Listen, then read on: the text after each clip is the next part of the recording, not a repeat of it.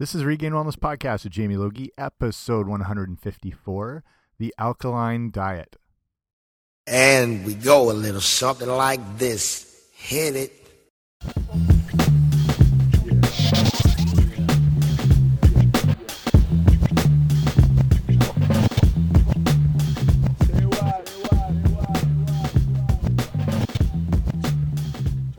Hey guys, what's happening? Welcome back to the podcast. I'm Jamie Logie. I run regainwellness.com and you're listening to the Regain Wellness Podcast. So thanks for coming on out here today talking about the alkaline diet. And it's probably not as prominent this way of eating compared to, say, something like uh, the ketogenic diet or the Mediterranean diet or things like that. But it, and, and you might not even be entirely sure what it is. And, but you've maybe heard of the idea of like, acidity in the in the body and being more in an alkaline state and what the differences are and why you want to be on one side more than the other. And so I'll cover the whole thing and what that diet looks like and potential benefits. Like I said, it's not super well known as a lot of other sort of more mainstream things, but it's you know could be an effective way to eat and maybe something people should be considering and just that whole idea of acidity and everything like that. So before we get into that, just here's my disclaimer make sure to subscribe to the podcast wherever you get podcasts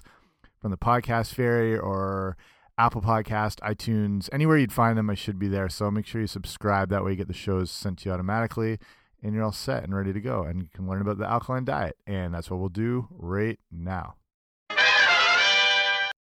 So in this show i'm going to kind of just give the rundown of the alkaline diet and what it is because i mean it can go really deep when we start talking about body chemistry and acidity and different ph levels. Like I'll, I'll, cover that all but i mean like this could go on for hours and hours so it's kind of more of a, an overview of everything. So there i mean there's so many diets out there and again like i'll always say the term diet is just i mean we know what we're talking about but it is an awful concept because when you talk about diet there's the perception of depriving yourself, restriction, elimination, cutting out things like and which isn't, you know, really conducive to a healthy lifestyle. I mean, you want to look at a healthy eating approach. So it's hard because it's just the term diet gets wrapped up in it. But when we're talking about something like, you know, say the Mediterranean diet, which I've covered a lot, it's you know you don't want to look at it look at it as like the sort of go-to restriction thing. It's a, a, a way of eating which can be very beneficial to the body. So it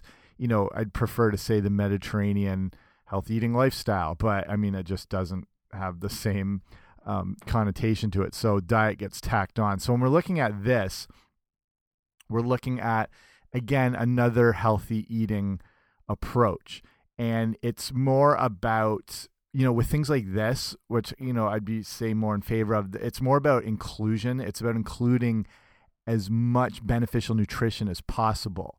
And and with the case of the alkaline diet, that's what it is. So the simple definition is eating when you're eating alkaline, it's consuming foods that put your body in more of an alkaline state as opposed to an acidic state. So when you're in an acidic state, it can make it's seen to make your body more vulnerable to illness and disease. It's almost like you're taken down a notch, like it's you're taken down a peg, it's a step backwards, and your body's more open and susceptible to different conditions like health issues and diseases and illnesses. So if you remember back to high school and you're acid wash jeans and listening to Kris Kross and wearing I don't know if you wore fanny packs, maybe that was just us here. But when we measure whether something is acidic or alkaline, it's on the pH scale. And if you can remember when you are on that pH scale when it's 0 to 7, it's considered acidic. What 7 is considered neutral, right in the middle. And 7 to 14 is considered to be alkaline and more of a positive state. So, how this diet works or this approach works is the you know like the people who are behind it and have really promoted say when you replace acidic foods with alkaline ones, you really can have a big health transformation. And the first step is eliminating those foods that can be seen to put your body more in an acidic state in the body. And of course, I mean, not surprisingly, right off the bat, those things that you'd want to avoid like in all cases, are going to be refined refined grains, processed foods, sugars, alcohol. Um, also on that list would be, and, according to the actual um, supporters and promoters of the alkaline diet, like right at the top is meat, poultry, and fish. One thing they don't always sort of um, refer to is the quality of that meat, poultry, and fish. Now, when you have, say, like a grocery store, crappy confinement lot, feedlot based um, source of protein, like a beef that's coming from animals that are, you know, pumped full of hormones that are fed things completely unnatural to them. They are they're not active. They are, you know, stuck in these like you know these confinement lots. There, these animals are in themselves very acidic and they're very sick and they're eating things that cause the same problems in their body and that same like inflammation and whatnot and then we're consuming them.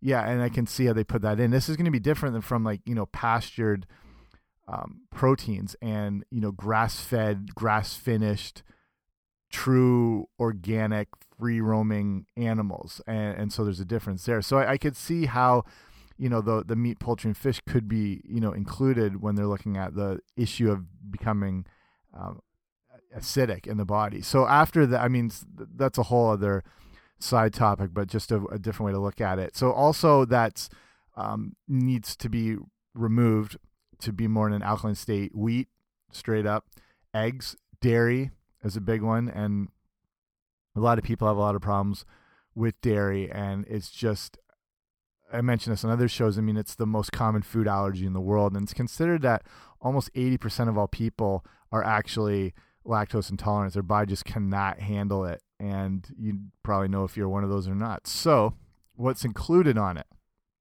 With the alkaline foods, you want to include to be as health healthy as possible. You're looking at most fruits. Uh, pretty much, you know, all vegetables, all you know, non-starchy vegetables, specifically like you know, dark leafy green things, um, a lot of various colors, you know, purples, reds, stuff like that. Soybeans and tofu are included on it. Nuts and seeds are in the mix, and you know, you're looking at raw nuts and seeds, not you know, heavily salted, oiled, roasted type things. Uh, legumes. So, I mean, what you're looking at here are real whole foods that can fit into, you know, mostly say like a vegetarian lifestyle, and it's you know, it, it, they're the type of foods people can normally include and probably are including and probably should include. But it's it kind of resembles a vegetarian diet. It, the, the, it can also accommodate vegans. I mean, if you cut out, you know, if you're not having any forms of dairy, I mean, it, it's very easy to do. Ideally, whatever situation you're in, like if you're having like a bit of that if you're finding good quality proteins and stuff like that, ideally you're just wanting to look for the best stuff you can find, and ideally local and organic because the more locally grown things are and and hopefully organic the cleaner the nutrition is in them and the less you're going to be exposed to chemicals and pesticides and herbicides and all that crap that can just put our bodies completely out of whack. So, I mean, a lot of the things are very easy to grow at home for almost nothing that will be very alkaline promoting in the body. So, you know, like tomatoes and bell peppers and garlic, and onions and herbs and spices, all this stuff is so easy to grow. And then you know it's the cleanest stuff possible. So, like ideally, I mean, ideally you do want to keep your body in an alkaline state, and th this is where there's some little discrepancies in the whole idea of being alkaline compared to acidic. Um, your blood is always at that state. It's always around about a 7.34 to a 7.45 on the pH scale. So more, remember I said like 7 is a neutral. So it's getting more into that alkaline state. And and so I mean basically you're in that condition. Your stomach on the other hand is highly acidic. But obviously for a reason. So a highly acidic meaning it's around a 2 to a 3.5. So if you remember, 0 to 7 is in the acidic state. So, I mean, it's extremely acidic, but it's because it contains hydrochloric acid. And that's obviously needed for the breakdown, digestion, and processing of food in the body. So, I mean, your body has various levels of acidity and alkalinity in it. And The problem that arises, just trying to show, you know, all aspects of this, the problem arises that your urine pH, which is usually the way they measure it, um, you know, alkalinity or acidity, your urine pH and blood pH can be different. And a urine pH reading does not indicate the same thing in the blood. So the urine measurement may be high, but that doesn't give you a real good indicator of your body pH and your overall health. So, I mean, there's really nothing you can do to change your blood pH as your body just is naturally going to regulate that itself. I mean, your body is the ultimate regulator. It's incredible how it just can always find the balance. And like, this is one of the good indicators. I mean, people use those little urine test strip things.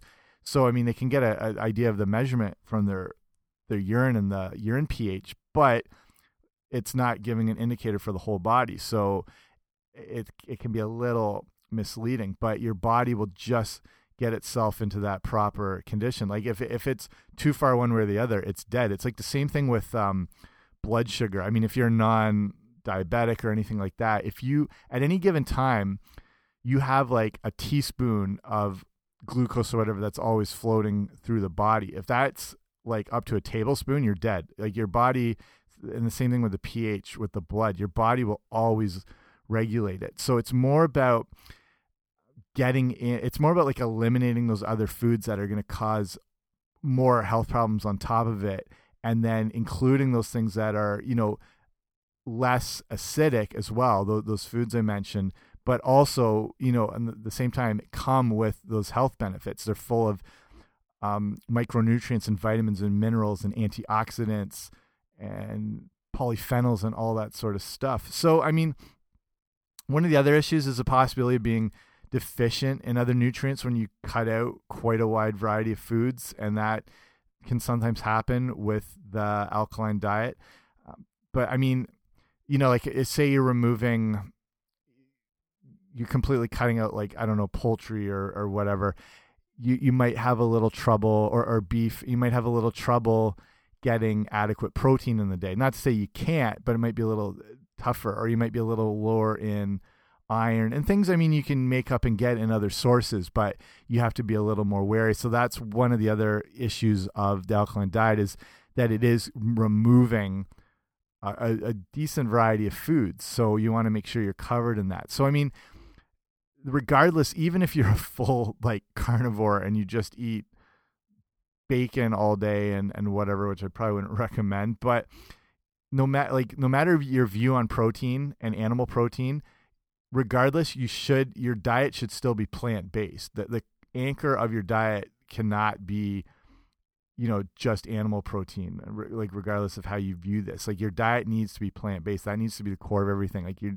you're looking for double digit servings of non starchy vegetables each day, primarily dark leafy greens. If you're looking at your dinner plate, I mean, the majority of things on there should be plant based. So, say you've got all these greens, and then maybe you've got a little bit of like sweet potato, and then you're using some olive oil for a bit of like a dressing, and then you've got like some nuts and seeds as a snack and then even say like a bit of like dark chocolate after for dessert these are all plant-based foods and that's what everything. You know, that's what your daily intake should look like. So the foods listed as alkaline are good for you and they should be included daily. And if you do, like again, if you do consume animal proteins, you're again looking for the cleanest sources possible. I want to touch on something here that is the idea that uh, when people are consuming too many acid forming foods or if their body is potentially more acidic, that it does not cause osteoporosis. And this is stuff I've been looking up, researching. It's it that's always been a connection that if you're acidic, it's going to relate to this poor bone health. But osteoporosis is a progressive bone disease, and it's characterized by a decrease in bone mineral content. And I mean, we know osteoporosis most common in postmenopausal women. Um, obviously, increases increases risk of fractures, but Many alkaline diet enthusiasts believe that in order to maintain that constant blood pH, the body takes alkaline minerals, and one of the, the easiest and most abundant to get is calcium.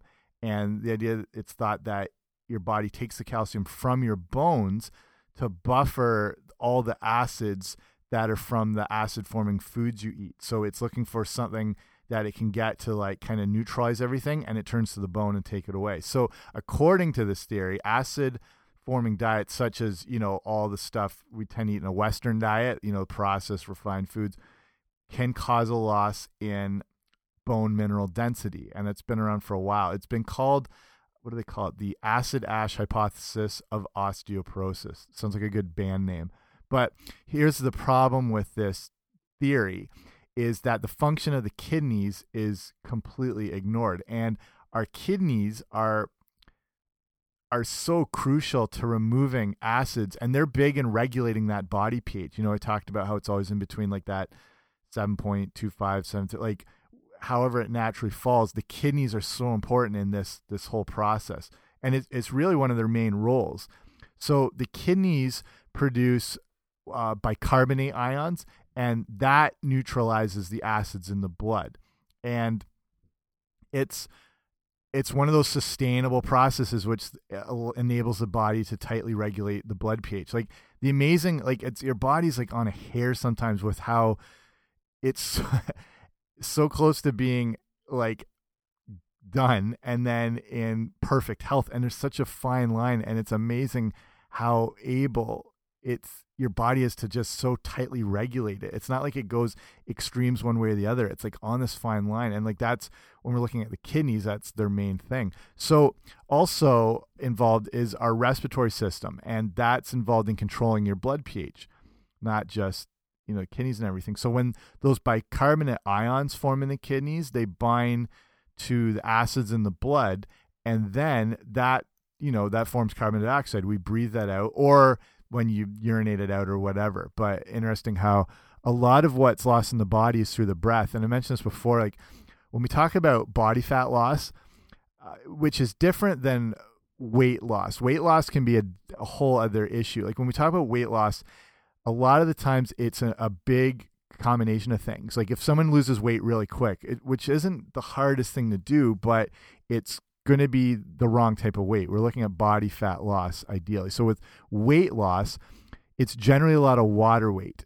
And on top of that, you know, there might be some body fat, body fat loss and even sometimes some muscle loss too. But we lose a lot of that weight through the water. When we're when we're talking body fat loss, how that's eliminated through the body is primarily actually through the breath.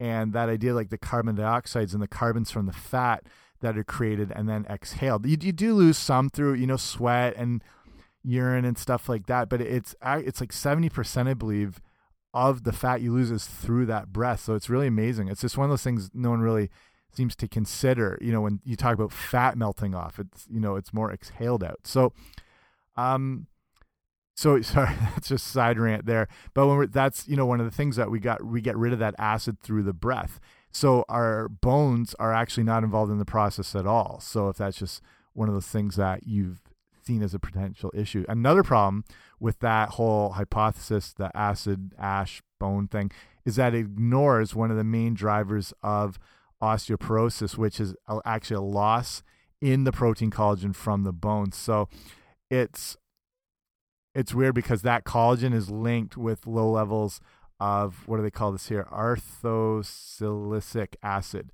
and ascorbic acid, which is vitamin C. So there's research, and I'm looking at this is healthline.com with a lot of the research, and they there's zero observational studies that found a relationship between dietary acid and bone density or fracture risk. So basically, there's not even a relationship between urine pH and bone health, which is just interesting because it's always been a widely thought thing. So, I mean, contrary to popular belief, high protein diets, which they've seen as acid forming, are actually linked with healthier bones because there's more minerals and things available for the bones. So it's th this is just a side thing, and it's not concrete research by any means, but it does suggest that some of these acid forming foods might not actually be an issue when it comes to bone health, which is always thought to be. And again, there's look you know looking at different clinical trials. There's many large reviews have concluded that acid forming diets don't have any impact on calcium levels in the body, which is hopefully encouraging, or you know for people have you know that's been a main concern too. So I mean, if anything, there's a potential that they can, in the case of like the animal proteins and stuff from good quality things, that they can actually improve bone health by being able to increase calcium retention in the body. And interestingly, I didn't know this that it can activate IGF 1, so it's insulin like growth factor. And that's a hormone. And I never thought, I never was aware of this, how it stimulates. I mean, everyone's, I mean, sort of familiar with um, insulin like growth factors involved with like muscle growth and repair. And a lot of uh, bodybuilders and a lot of even pro athletes who have been busted for drugs, IGF 1 had always been one of the biggest ones for as far as developing muscle size and power. But not only so your body naturally produces this. So not only does it stimulate repair of muscle, it actually stimulates repair of the bone, which is something I did not um, fully know of till I was looking deeper into this. So that's just, you know, talking a little more about that whole bone issue.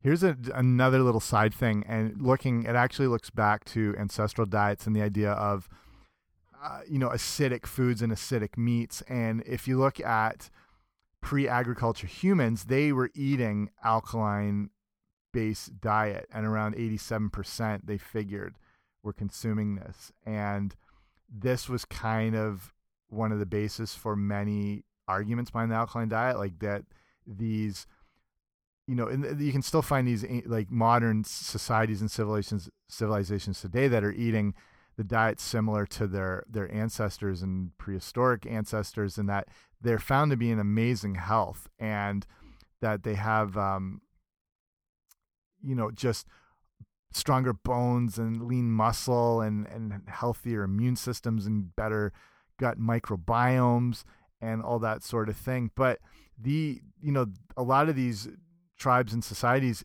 relied heavily on animal foods and most recent research estimated that half of pre agriculture humans ate what were they consider net alkaline forming diets, while the other half ate net acid forming diets. So a lot had a lot of meats, a lot had a lot of, um, say, tubers or starches or whatever. But it, this seems more realistic considering that our, you know, it, it makes sense that they weren't in these crazy acidic states, even though they ate what we'd maybe consider high acid um, foods, but you know they're living in completely different environments and climates, and obviously the access to the food they have. I mean, if you look at our food, even from hundred years ago, it's you know it'd be they'd be considered super, even like processed foods for the time and breads and whatever they'd be they'd be considered superfoods today compared to let alone thousands and thousands of years ago. So I don't know if it's necessarily a good comparison that even if they were eating what we'd consider acid forming diets, I mean they just had the cleanest foods possible and they're living in pristine environments and no pollution and no stress and chemicals and all that sort of stuff. So eh, it's kind of, it's you know pushing towards more again the cleanest sources possible of these foods. And this is where I'll wrap it up here. And it's, I mean, the takeaway from this whole thing about like, you know, should you have follow the alkaline diet and what, whatever, and we're looking at the different, say, those ancient societies or whatever. It's the main thing that the alkaline diet is based around is not, to me, it's not just what it includes, it's basically what it doesn't include. And there aren't processed foods, there aren't junk snack foods. There aren't there's there's no fast food. There isn't refined carbohydrates. There isn't high fructose corn syrup or artificial flavors or sweeteners or trans fats or alcohol. It's again, it's focused on real whole foods that are nutrient dense and natural. And that's the whole idea like why the term diet is so bad. We're looking at a healthy way of eating. So as far as diets go, it's good. The alkaline diet is good, but it's a way we should be eating anyway. And it's um, including the things that we know that we're supposed to have. So it's very good because of what it promotes. And when you start eliminating those things, like all that refined crap, that's when you start seeing improvements in your health. You make it easier by like including those high alkaline foods and the fruits and vegetables and stuff. Like if you haven't been eating those before, of course you're going to get healthier. So it's a kind of double whammy effect. When you make it a point to include things off that list of the alkaline foods each day, you make it easier for your body to run optimally and for you to feel your best and to combat sickness and diseases and illness and everything like that. And then it kind of all comes together when you combine that with some good exercise, with some, you know, strength training if you can fit it in, with some cardio, with good sleep, with reducing stress or managing stress as best as possible through those things like stress and you know even if you find meditation helpful or like deep breathing exercises that's when real health and wellness all comes together. Um so it's with this episode it's you know kind of breaking down what this whole diet is and showing how the approach of eating this way is very beneficial so it's not that you're following the alkaline diet per se. It's that you're making these changes where you're eliminating a lot of crap and promoting more of these healthier foods at the same time. So that's it. Hopefully that gives you some info into the whole thing and you know poss you know just with related to like the uh the pH and the balance eh, balance in the body and the osteoporosis bone issue hopefully just a little more insight in this whole thing so I'll wrap it up here Thanks for listening. Appreciate you taking the time to listen to the show. Again, if you like it, subscribe. If you really like it, give it a rating and review on iTunes, and that just gets it exposed more and works their magic algorithms to promote things. And who the hell knows how things are working online now? It's hard to trust a lot of it, but in this case, it looks like that's a good way to uh, let it be known. And I'll probably never ever share any things on Facebook again as far as posts and whatever. I haven't used Facebook in so long depending when you're listening to this, at the moment, that's Facebook's not the most popular thing in the world when it comes to privacy and sharing things. But with iTunes and podcasts and stuff like that, it's still relatively straightforward. So, yeah, subscribe, check it out as often as you can. Check out all the old shows. If you really like them, share them with other people that you think might benefit from this information. And we'll see you soon. Bye.